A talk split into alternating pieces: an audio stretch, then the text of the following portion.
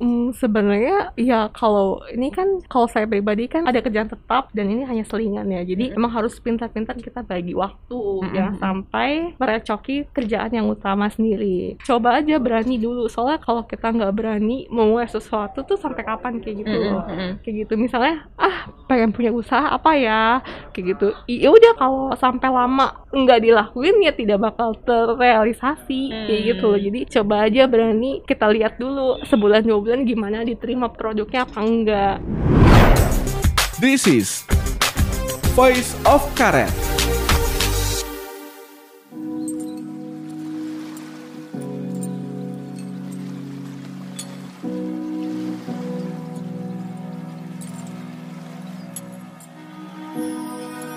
Sobat Bisnis, berjumpa kembali di program Voice of Karet, obrolan ringan para awak redaksi bisnis Indonesia yang disiarkan langsung dari markas besar kami di Karet Tengsin. Dalam episode kali ini, saya Ropestasi Torus bersama rekan saya. Yanita Petrella ya. Ya, saya biasanya mengampu uh, kanal finansial di bisnis.com, khususnya perbankan dan non-perbankan. Kalau Yanita biasanya? Oh, saya sedang liputan di properti. Oke. Ya, ini walaupun kita punya desk masing-masing, untuk kali ini obrolannya agak uh, di luar desk liputan sehari-hari ya, Nita Iya. ya. Oke. Untuk uh, informasi, Yanita ini kan sekarang lagi ini ya, lagi punya um, usaha sampingan ya sejak masa pandemi. Usaha uh, beberapa, cuman yang mau di-highlight ini soal bisnis makanan sehat ya, vegetarian iya, ya. benar sekali. Nah, eh Tin, ini dong apa namanya? eh, boleh dong diceritain usaha kamu ini kan di eh, dimulainya justru di masa-masa pandemi ya. Mhm. Terus juga eh, dilakukan oleh setahu saya nih ya, setahu saya kamu tuh kan nggak punya background masak dan Iya, tentu. dulu Iya, benar. dulu sebelum menikah malah nggak bisa masak ya. Iya, benar sekali. Se- eh, sama sekali sampai sekarang juga eh, nggak punya background masak sih. Nah ini menarik nih, nggak punya background masak, nggak bisa masak, tapi malah justru buka bisnis masak memasak, eh, maksudnya yang bergelut di bidang masak memasak. Terus modalnya juga minim sekali, hanya beberapa ratusan ribu lah. Emang bisa ya buka usaha dengan modal sedikit? Itu gimana cara memilih usaha yang tepat gitu? Oke, mungkin em, kamu kasih tahu dulu dong eh, awalnya itu usaha kamu yang dimulai April itu gimana? eh, kenapa bisa pilih usaha makanan? Apa yang terjadi waktu itu? Iya. Jadi eh, mulai usaha itu di masa pandemi soalnya karena bisnis utama suami waktu itu tutup, Hmm. benar-benar tutup, kita kolaps karena pandemi barang-barang suami kan eh, dijualan barang-barang engineering, elektronik dan waktu itu ada PSBB, im- ekspor impor tutup kan, barang-barang impor nggak nggak bisa masuk, jadi dia nggak ada barang masuk dan eh, nggak ada barang masuk tapi peminat pembelinya banyak. Kita juga waktu itu sempat di ban di Tokopedia sama Shopee karena kita suka nolakin barang. Kan barangnya nggak ada yang ready nih. Iya. Akhirnya kita cari otak dong. Putar, putar, putar, putar. Ah, ketemulah bisnis makanan. So, kenapa memilih makanan? Karena mama mertua saya, ibu Hmm. dari suami saya itu vegetarian. Oke. Dia vegetarian sudah 25 tahun. dan tentu eh, masakan-masakan yang dia buat selama eh, kami ke rumah beliau itu mas kebanyakan vegetarian yang unik-unik gitu loh Ah, sehingga kami mempunyai ide oh kenapa nggak kita jualan aja vegetarian ah. waktu itu di Ah. April akhirnya April itu kita mulai buka sebenarnya mulai proses berjualan sih Mei ya Ah, ah, ah. April Oke. kita baru sounding eh, di media sosial seperti itu. Baru Mei kita mulai jualan. Awalnya yang beli itu Mhm, bukan vegetarian. mhm, Yang pesen makanan ke kami bukan makanan vegetarian. mhm. Dia pesen paket spesial lebaran. Karena waktu itu Oke. eh 11 eh 10 hari menjelang lebaran lah. Ah, ah, ah, ah. Itu eh kita buka itu akhirnya eh, seiring berjalannya waktu jadi kita jalan dua kaki tuh di awal. Mhm. makanan vegetarian dan non vegetarian. waktu itu modal yang kita punya bukan modal yang kita punya sih duit yang ada di ATM cuman gope 500 ribu aja itu Heeh. dan itu benar-benar ya ya ya mau nggak mau kita harus jalan. Kenapa harus jalan? Buat bertahan hidup. Mm, mm, mm, mm. makanya kita muterin duit 500 ribu itu buat jualan pertama. Di yang pesan makanan eh, paketan lebaran itu. Oh, oke. Berarti ini memang beneran modalnya seminim itu ya 500 ribu. iya. Tapi eh, waktu itu sistem mereka bayar dulu nggak? Si pembelinya bayar dulu nggak? jadi waktu itu mere- eh, karena yang pesan pertama itu kenalan dekat kami mereka membayarnya pagi ah, yang setelah akan kami antarkan jadi harga paket makanan itu 700 ribu Hmm. tapi modal yang kami keluarkan di awal 500 ribu Oke. itu sudah sama seperti kayak peralatan peralatan yang kami belum punya kayak alat pemanggang sate terus eh, apa namanya pisau yang khusus pisau daging talenan Hmm. yang benar-benar bagus kayak gitu-gitu loh Oh. Jadi eh, karena ngelihat ya, ngelihat eh, orang tua ya yang suka Mm, makanan mm. vegan. Aku tapi kamu sekarang udah bisa masak gak sih? oh eh, jadi begini sampai sekarang pun yang memasak itu murni suami ya Oh, oke Jadi, oke. kita bagi tu- tugas dari awal mulai kita emang bagi tugas jadi suami yang eh, menyiapkan bahan dan Ah, memasak ah. saya bagian marketing promosi Oh, packaging Oke. seperti itu Kalau suami emang dia dari awal udah bisa masak atau eh, ikut kursus atau gimana tuh? sebenarnya suami sendiri dari kecil emang dia sudah sudah suka suka masak ya karena diajak eh, diajak eh, orang tuanya untuk ke pasar jadi cara memilih ikan gimana cara memilih daging segar gimana jadi emang dia udah terlatih dari kecil untuk oh gini loh masak ini begini jadi ya sudah jadi ketika Ud- kita mulai Heeh. ya dia dia udah langsung bisa gitu bisa ya. Eh, tinggal dipoles lah Oke. seperti itu Menarik ya. Soalnya banyak juga yang punya usaha em, apa namanya? Dia nggak bisa masak kan sebenarnya dan ya belajar-belajar Iya, iya. gitu. Kayak aku tuh. Iya kan kamu kan ini ya tiba-tiba langsung jualan kue. Waduh Itu- kuenya enak loh tapi. itu iseng sebenarnya eh, Nit. Aku panggil Nita ini kadang-kadang Nita, kadang Atin. Soalnya panggilannya dua bisa ganti-ganti. Itu iseng aja sebenarnya Nit. Karena ngelihat kan sama masa pandemi ya bosan ya. oke eh, maksudnya aku kan memilih WFH gitu terus Iya. eh, biar nggak stres apa gitu karena di rumah aja biar nggak stres apa yang dilakukan ada orang kan eh, apa jadi punya hobi baru ya iya iya yang mulai benar-benar. dari yang bercocok tanam nah aku mulai tuh kayak eh, suka masak-masak di dapur gitu bikin kue awalnya bikin martabak bikin kue bolu Iya, iya, eksperimen lah benar-benar. gitu dari tahun lalu Iya. kan terus nah itu aku coba bikin beberapa aku ikutin resep di YouTube. Awalnya nggak gitu bisa. Dulu sih dulu dulu dulu Dulu waktu Hmm. waktu remaja aku tuh suka bantu kakakku kakak sepupu masak-masak kue. Dia kan hobi masak ya. Mhm. aku suka bantu gitu mixer lah apa segala macam tapi sebenarnya aku nggak terlalu merekam itu dalam ingatan gitu karena nggak pernah aku praktekkan lagi.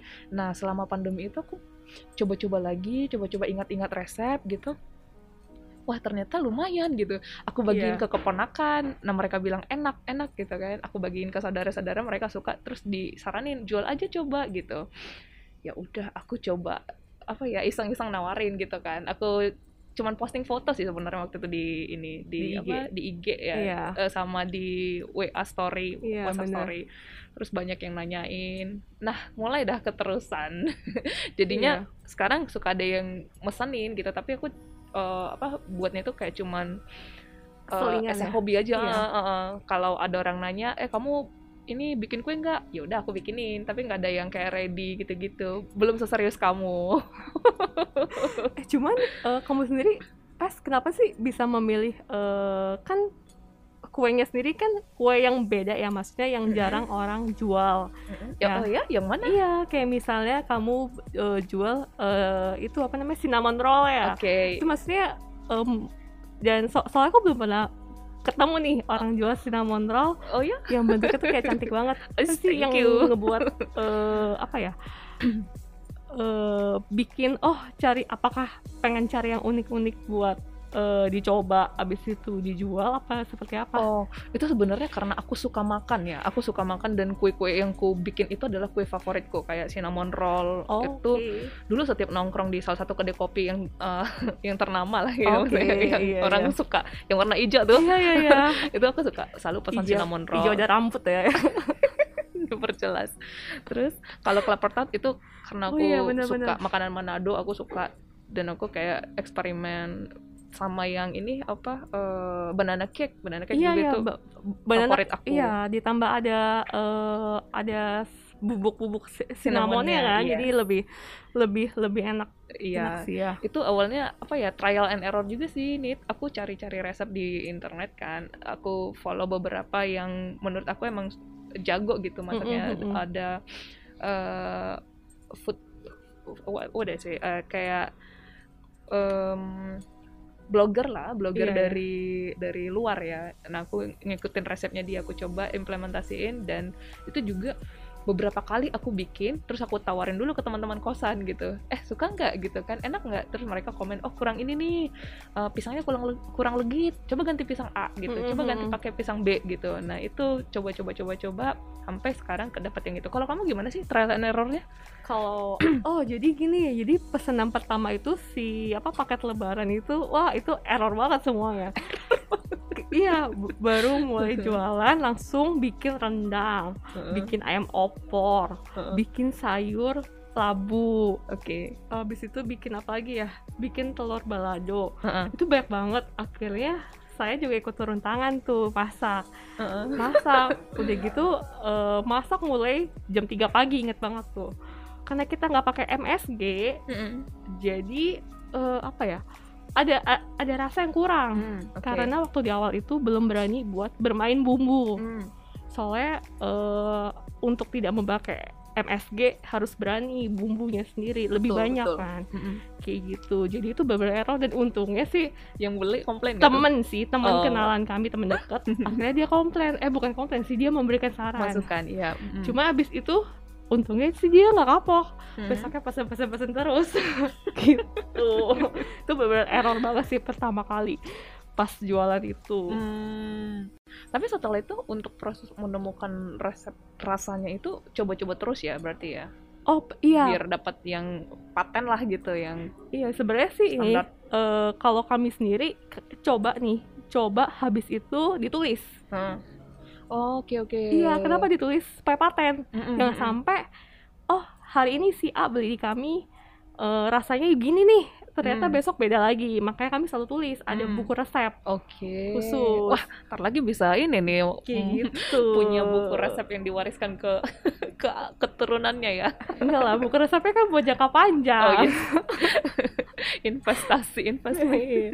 kayak gitu Hmm, makanya oke. pes eh, mungkin kamu bisa nih ngeliat di YouTube di di apa di mix sendiri di apa di mix sendiri yang menurut kamu yang benar-benar enak gimana ditulis aja Betul, itu aku Iya, juga iya. melakukan itu. gitu. Yang di YouTube itu nggak murni, iya maksudnya benar-benar karena kan yang punya resep itu nggak mereka nggak ngasih tahu semuanya, Semuanya, totalnya. iya, iya benar, pasti benar. ada yang uh, yang di keep kan di-keep sama dia Mereka, gitu nah iya. itu yang harus kita cari gitu iya benar aku juga coba-coba terus oh ini kayaknya kurang kayak kelapa tartnya oh ini ter- kurang ini nih kurang kental gitu kan. Iya iya. Apa yang harus kuturunin apa yang harus kutambahin Iya. gitu. Itu di adjust Iya. lagi benar tapi eh, sebenarnya dibandingin kita ngeliat YouTube resep mendingan beli buku iya ya Bu- buku buku yang ada dijual buku resep yang dijual di toko-toko buku tuh Hmm. lebih lebih lebih pat ah, bukan lebih paten sih Hmm. tidak ada yang disembunyikan itu loh Hmm, oke iya soalnya kami eh, dari yang mulai suka masak itu Mhm. ya kami beli buku-buku itu buat Hmm. jadi kayak pedoman gitu loh harus berani ya harus Iya. berani invest ya berarti ya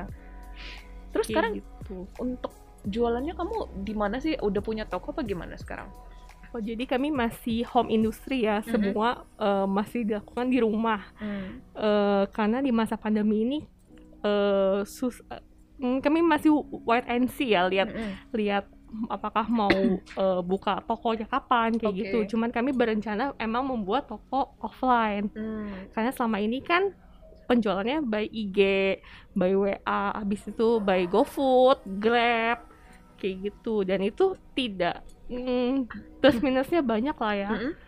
ketika itu nggak offline. Tapi eh, by IG online em, punya ready stock atau yang by order juga kayak aku? Oh, kita eh, apa ya? Beready stock sih nggak semua menu ya, soalnya soalnya tidak semua menu bisa kita frozenin. Hmm, Jadi ya sebagian besar masih by order. hmm, oke oke. Karena kan beda ya, misalnya Mm-mm. eh, mau pesan eh, brokoli tiram, Mm-mm. Ternyata brokolinya udah di frozenin, kan rasanya tentu beda Iya ya. betul Jadi betul. beberapa yang bisa kita frozenin, kita vakum, kita frozen. Mm-mm. Itu pun kita juga eh, pakai tes dulu. Kemarin Mm-mm. sempat kita tes Mm-mm. oh gimana nih seminggu di frozen rasanya gimana berubah nggak dua minggu di frozen berubah nggak sampai lima minggu tuh Betul, jadi betul, kita betul. banyak macam sampai lima minggu Oke. biar biar bisa tahu expirednya kapan kan Iya, aku Kayak juga melakukan gitu. itu. iya kayak gitu guys sengaja di keep makanan itu kayak eh, ditaruh di kulkas berapa lama ya tahannya? Iya, Karena iya. orang-orang suka nanya, ini kuenya tahan berapa iya lama? bener, Gitu. kan kita kalau bisa ngira-ngira kan jadi Heeh. harus kita coba sendiri kan Untuk cari taunya kayak gitu ya. bener-bener Untuk dapetin customernya gimana tuh? Pertama-tama kan, em, oke lah, awal pembeli pertama itu temanmu gitu. Tapi setelah itu kan kamu sampai udah ini ya, udah orang yang tidak kenal kamu ya sekarang Mm-mm, belinya. mm-mm. Itu gimana sih caranya dapetin jadi customer? sekarang itu eh, jualan kami itu ada di ring ketiga nih Mm-mm, Ki-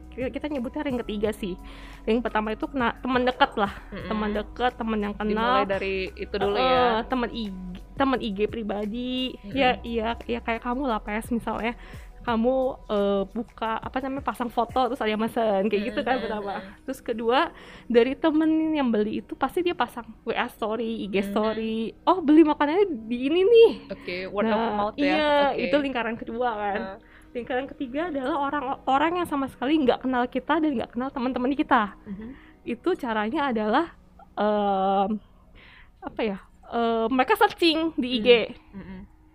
Misalnya nih kan ada hashtag hashtag makanya Mm. main hashtag Oh, kayak gitu oke. misalnya vegetarian Cibubur Mm-mm. atau enggak vegan Cibubur nah mereka mereka pasti bakal searching nih kalau mereka mau makan vegetarian Hmm. kayak gitu Oke. itu yang kita bilang eh lingkaran ketiga ya Hmm.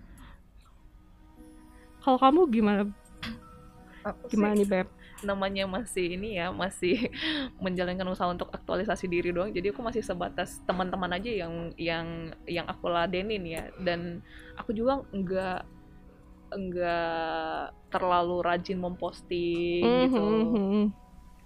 Seingatnya aja. iya sih Tapi kamu sampai ini gak sih sampai eh, apa melibatkan reviewer gitu-gitu atau pasang iklan?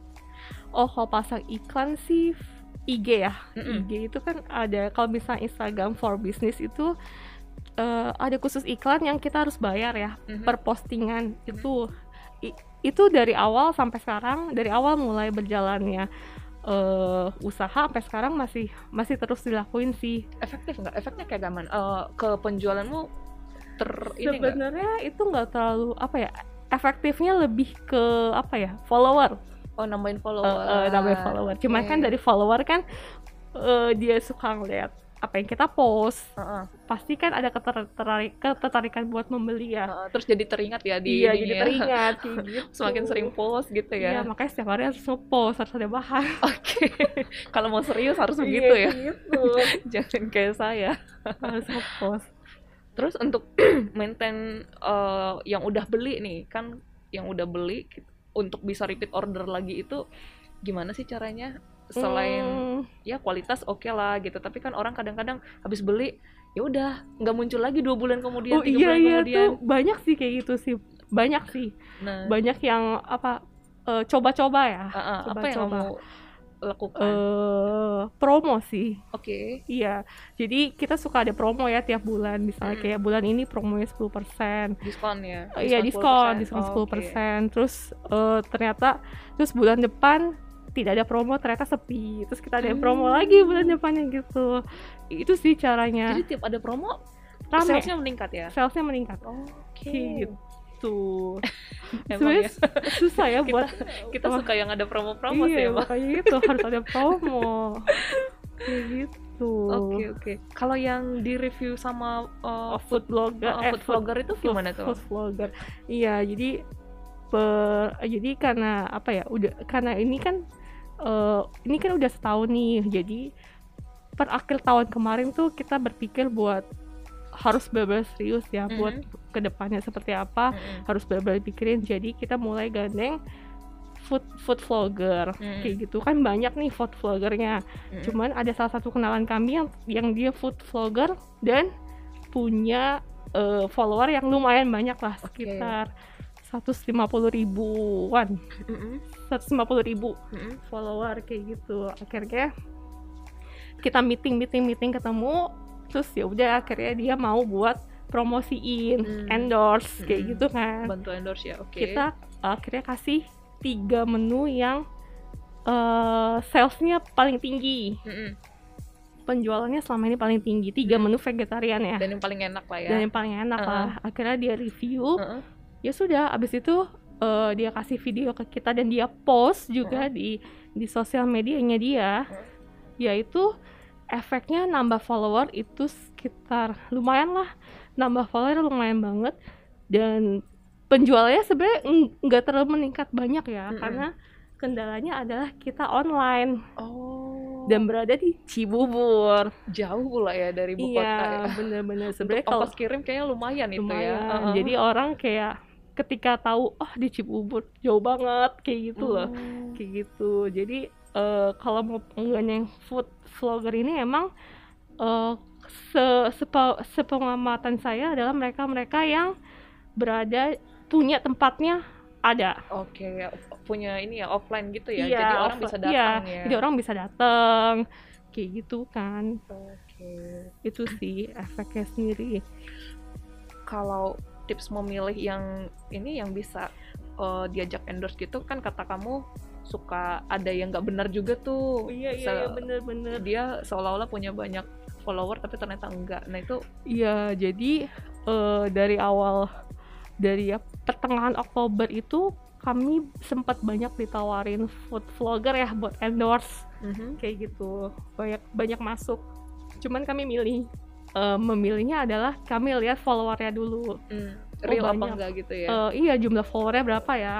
Tahu real apa enggak? Pertama tuh bisa dilihat dari per postingannya. oh, Ketika followernya itu misalnya puluhan ribu, puluhan ribu misalnya lima puluh ribu, tapi postingannya cuman berapa ratus atau enggak mal- malah cuma 50 yang like itu Oke. tanda tanya Oh, oke. kayak gitu. Kedua bisa pakai aplikasi di Play Store. Ah. Kita bisa ngeliat follower itu beli apa enggak Oh.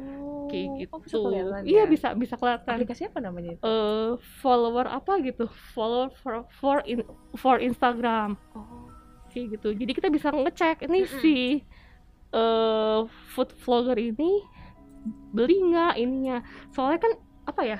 eh impactnya jangan sampai kita nambah follower tapi tuh kayak ya cuma nambah cuma nambah at- mm-mm. tapi tidak berimpact ke penjual ke apa yang kita jual kan kayak Kan gitu harapannya kan kalau harapannya dengan menggandeng pihak lain kayak gitu kan kita ngeluarin biaya juga ya. Mm, mm, Nah, kita kan punya ekspektasi meningkatkan sales juga kan. iya iya bener-bener dan apa ya Jangan sampai salah pilih ya. iya dan dan mereka rate eh, Lumayan ya. rate itu beda-beda loh misalnya yang followernya cuma 50.000 ribu eh rate sekali kirim makanan IG post 150.000 ribu biasanya itu yang murah-murah Hmm.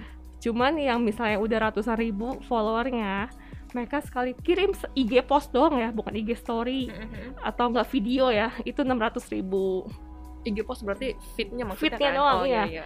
bukan yang bentuk video ya nanti Uh, uh, uh. videonya jadi 1,5 Oh. kalau mereka suruh datang ke tempat kita jadi berapa puluhan juta kayak Wow. gitu lumayan ya. Iya, Oke. cuma soalnya kan mereka jual jual followernya dia kan. Heeh. Cuman ya aku eh, saya lihat dari yang apa yang dia dia lakuin, terus tuh banyak eh, yang ada toko offline itu malah setelah di review malah banyak yang beli kayak gitu sih. Hmm. Oke. Tin, eh, makanan kamu tuh kan makanan vegetarian ya? Yang di yang banyakan ya, Iya iya yang banyakan yang paling laris lah gitu. Tapi yang jual produk sejenis juga kan banyak ya. banyak, banyak. banget. Dan di IG tuh berseliweran gitu. Iya iya benar-benar. Gimana sih cara kamu biar tetap bisa eh, apa ya? eh, bersaing gitu dan orang bisa tetap ngelihat oh ini nih produknya Yanita aku mau yang ini daripada beli yang lain gitu apa strategi Hmm, foto bagusin. Pertama foto bagusin di foto kan. Soalnya orang pertama tertarik di foto. Kalau makanan kita enak tapi foto dibuat di posting aja nggak bagus Mm-mm. ya kagak menarik kan. Ya betul Iya betul kan? betul. Pertama di foto Mm-mm. dulu lah. Di foto kedua promo lah. Promo kita promo dulu. Eh baru ya itu rasa sih. Hmm. bersaing sama harga bersaing harga kayak gitu Kalau harga kan kalau misalnya ini suka ada yang bilang ya harga ma- harganya mahal gitu. Kayak kamu Mm-mm. menurutmu di segmen mana sih? Kalau menurutmu di yang eh, medium low apa medium apa upper? soalnya eh, agak susah nih vegetarian vegetarian kan daging KW ya Mm-mm. daging KW Iya. Proses pembuatannya tuh nggak mudah nggak mudah ketika misalnya rendang vegetarian dibanding rendang sapi kalau rendang sapi yang asli kamu tinggal beli sapinya kamu masak rendang Betul. ya kan Mm-mm. kalau rendang vegetarian itu olahannya lama misalnya Mm. dari Itu ngaduk dari jamur ya? iya jamur kedelai sayur oatmeal kayak gitu Hmm. prosesnya tuh lama dan kenapa makanan vegetarian itu rata-rata lebih mahal dibandingin daging asli Mm-mm. kayak gitu soalnya proses pembuatannya pun butuh waktu dan Betul. Mm-mm. eh, butuh biaya kan Mm-mm. buat bahan-bahannya sendiri Mm. cuman ya eh, kita strateginya di harga itu begini loh Mm-mm. eh, apa ya eh, misalnya nih produksi A juga vegetarian oke dia harga rendang rendang dengan isi segini segini ya udah kita diturunin sedikit Mm. Supaya nggak supaya Jadi nggak main di main di apa namanya kuantitas ya? iya main kuantitas Oh, oke. kayak gitu Biar bisa harganya sama, iya nggak kemahalan dengan pasar ya. Iya dan dan di us di usaha ini juga eh apa ya harganya eh di- rata-rata di atas 30 ya. Cuman kalau orang pertama kalau orang udah beli tuh eh, tahu kalau banyak itu loh porsinya banyak kan kayak gitu. Jadi ya ya jadi yang dilihatnya yang ya nggak terlalu mahal banget kayak Mm-mm. gitu. Tapi kayak bisa dua kali makan Iya bener gitu ya. gitu. Bener-bener. Ini, ini, ini harga juga harga tuh juga berpengaruh nih pas. Soalnya kan kayak kamu juga nih kayak kue eh, tadi kayak apa eh, cake banana sendiri kan dia Heeh. 55 ya. Orang kalau udah ngeliat wah wah 55 ribu pasti kan dibandingin bandingin makanan berat nih, Heeh. ya kan? Terus strategi gimana sih pas? Aduh, kalau aku sih em, apa ya? Aku mainnya di bahannya ya. Bahan-bahannya tuh aku usahain memang yang Oh, pilihan iya, dari premium lah ya. Iya.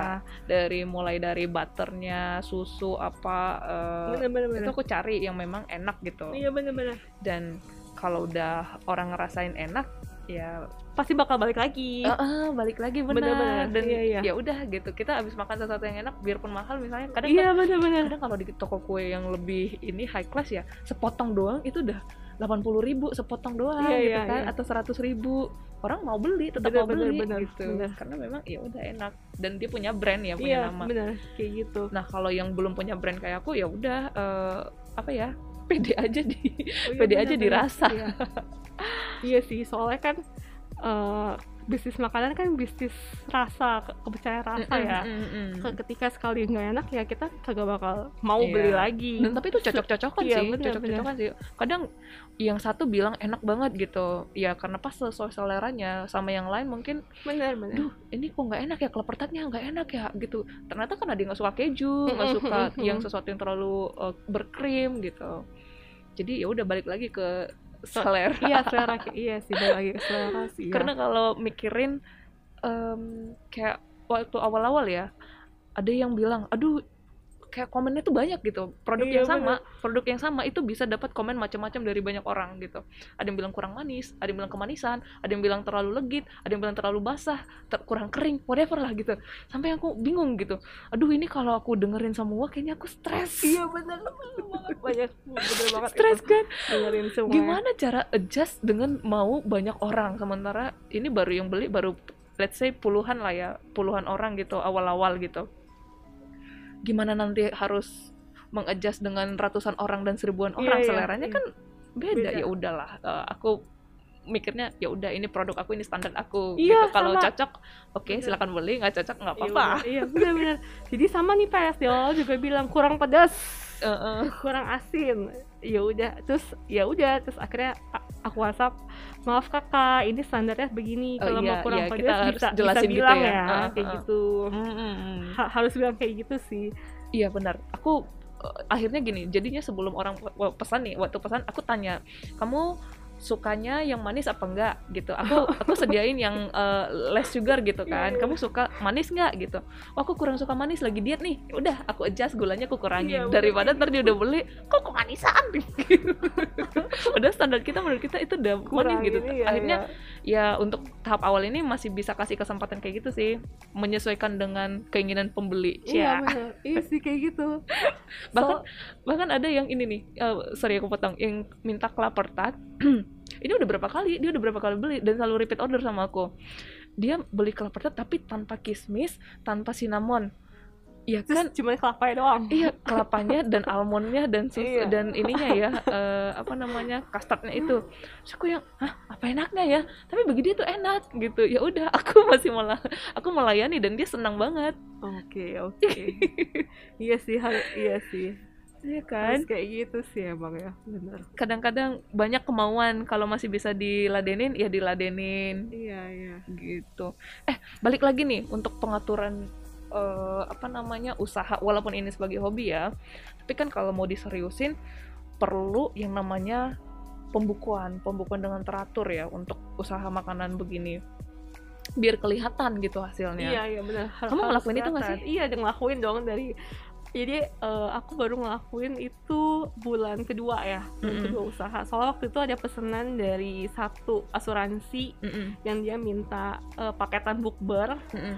eh, sekitar berapa eh, sekitar 70 pack jadi dia minta ada invoice jadi sejak itu aku buat invoice Hmm. jadi setiap ada orang beli ya pakai invoice soalnya Hmm. dengan invoice oh, eh, invoice-nya bisa di download di Play Store ya Oh jadi oke, kamu pakai yang jadi- aplikasi ya? iya Mm-mm. invoice aplikasi jadi ki- ya jadi kita nggak perlu nggak perlu pusing lah buat ngitungin berapa pendapatannya Mm-mm. terus bisa juga dilihat loh siapa siapa aja sih Yang suka beli, yang Yang repeat suka order beli. ya? Iya, iya, Oh, itu banyak banget. pelanggan setia. Iya pelanggan setia dan berapa banyak dia keluarin uang ya buat beli ma- makanan kita juga bisa ngeliat top top menunya apa aja gitu Hmm. jadi kan lebih enak ya Mm-mm. gitu Dan jadi kita kelihatan juga kali ya, Mm-mm, maksudnya untungnya berapa sebenarnya? iya Karena kayak apa ya? eh, kadang-kadang kita mera- menjual nih ya, eh, menjual sesuatu lah, entah kue, entah apa pun gitu berbisnis gitu ya.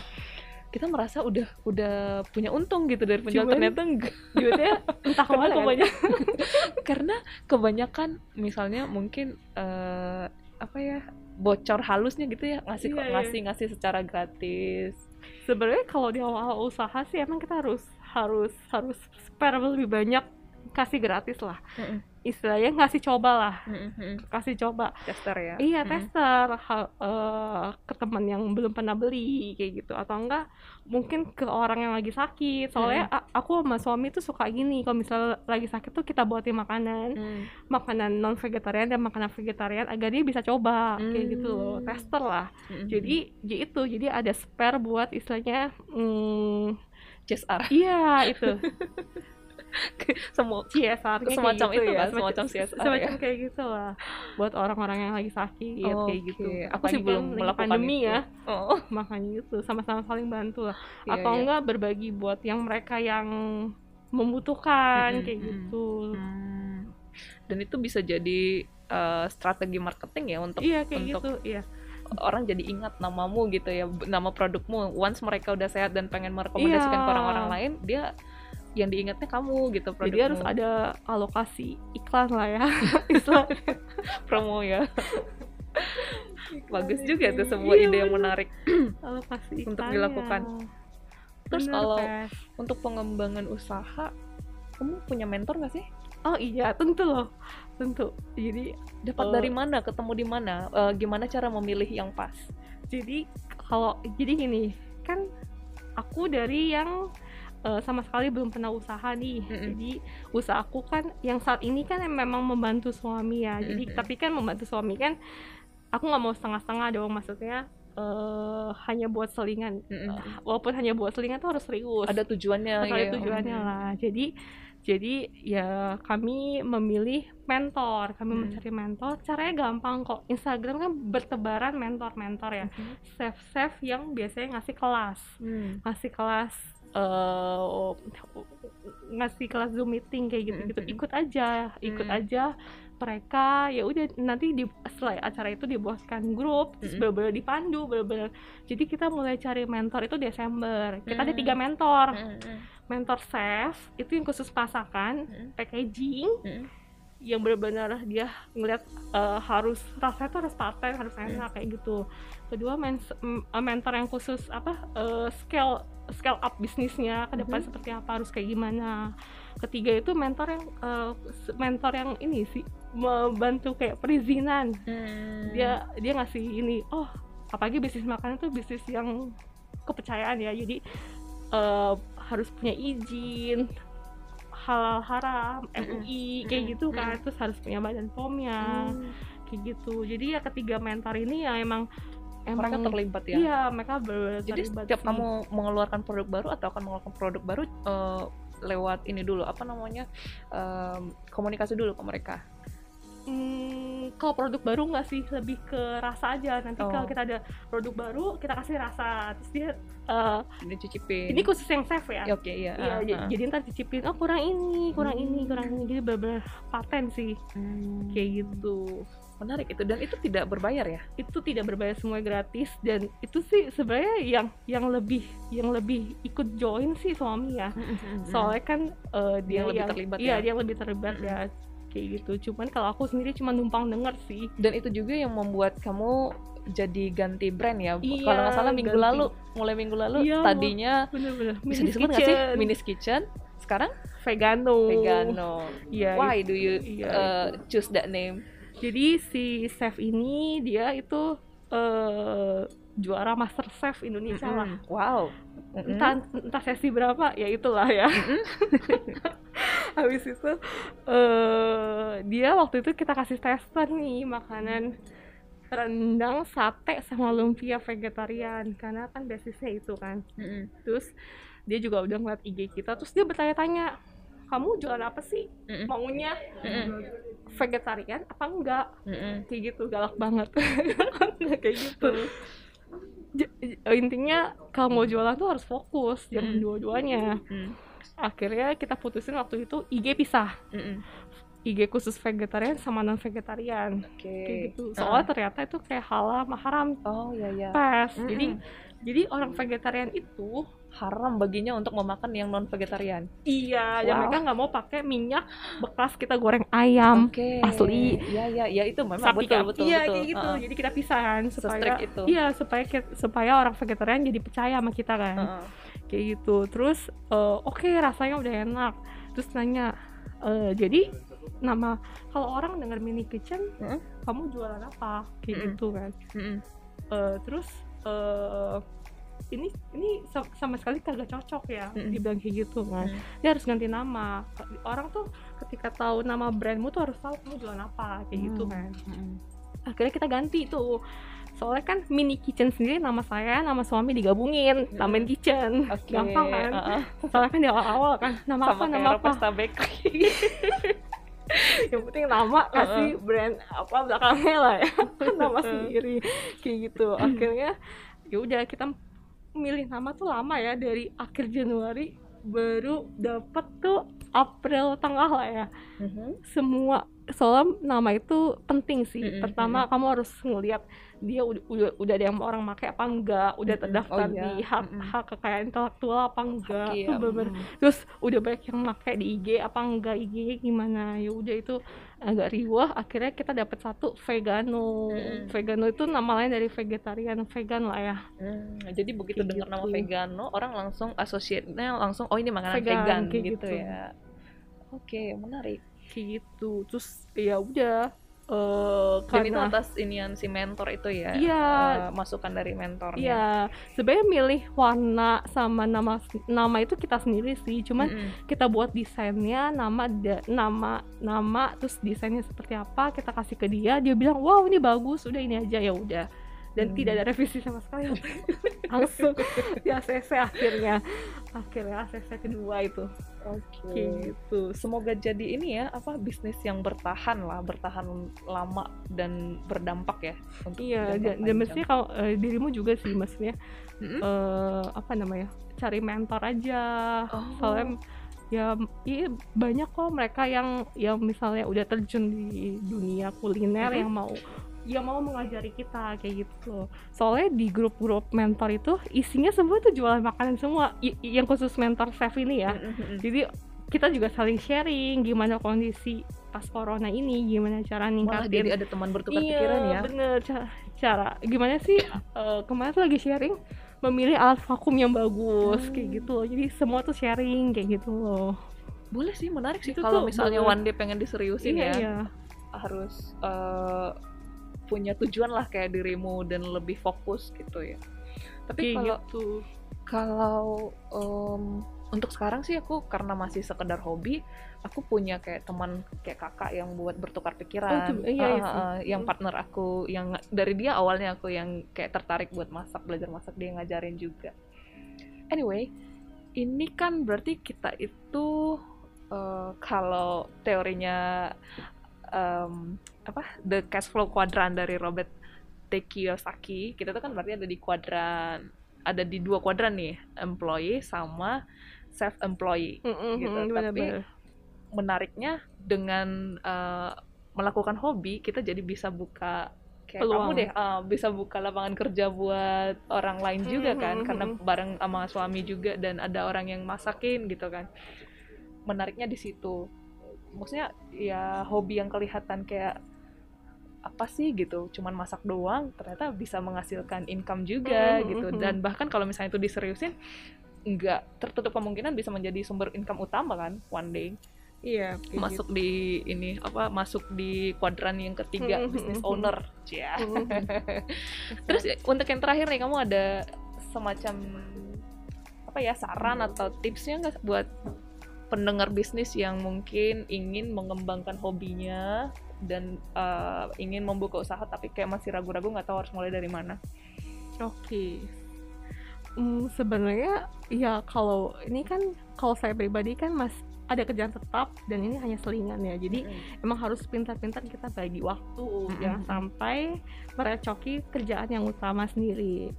Jadi eh, memang karena karena karena sudah ada partner suami saya jadi ya easy, Iya. gampang Heeh, heeh. semuanya di suami Hmm. tinggal aku cuman packaging eh, Mendukung balesin ya? iya balesin WhatsApp orang terus bikin bikin poster buat Mm-mm. buat pasarin kayak Mm-mm. gitu lebih gampang kan dibandingin kamu yang mungkin bingung ya gimana gitu kan semuanya kan dari masak ke pasar terus eh, bikin pack- eh, apa apa, packaging udah Hmm. gitu kirim segala macem kayak gitu. Sarannya ya inilah eh, coba aja berani dulu. Soalnya kalau kita kalau kita nggak berani memulai sesuatu tuh sampai kapan kayak gitu loh. kayak gitu. Misalnya ah pengen punya usaha apa ya? Kayak gitu. Ya udah kalau kalau kalau kalau sampai lama nggak dilakuin ya tidak bakal terrealisasi. Kayak gitu loh. Jadi coba aja berani kita lihat dulu sebulan dua bulan gimana diterima produknya produknya apa enggak. Hmm. kayak gitu. Istilahnya eh, apa namanya Eh, telaten sih ya. Hmm. telaten tiap tiap hari tiap hari posting tiap hari nawarin. Hmm. entah entah orang mikir apa ya udah biarin aja. Kayak Hmm. gitu kan. Namanya juga bisnis kan ya. Betul betul. Pasti mentalnya harus kuat kan. Mental mental harus kuat. Terus mau mau orang jarang beli ya udah nggak apa-apa. Yang penting coba terus lakuin. Dan satu lagi jangan pernah nolak orderan. Jangan pernah apa? Nolak orderan. Nolak orderan Iya, benar. itu itu Iya, iya. penting juga tuh ya karena sekali nolak orang akan mengingat ya. Iya Apaan sih, sekali niat jualan apa enggak gitu ya. Iya soalnya ya gitu lah ya. Susah juga ya sih jadi, jadi harus benar-benar harus benar-benar ini sih eh, walaupun ada satu ya udah layanin aja kayak gitu betul betul. Kalau- kalau pe- memang pengen diseriusin ya iya, menjadi sebuah gitu. usaha oh Oke, banget. Atin. Ya ampun, ini nggak terasa loh. Kita udah ngobrol-ngobrol sejam. Udah, coba sejam ya ya udah. Iya, perasaan udah masih ini masih setengah jam. Ternyata udah sejam.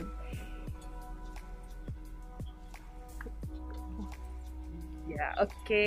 Itu dia tadi obrolan mengenai gimana cara mengembangkan usaha memulai dari uh, hobi dengan modal yang minim.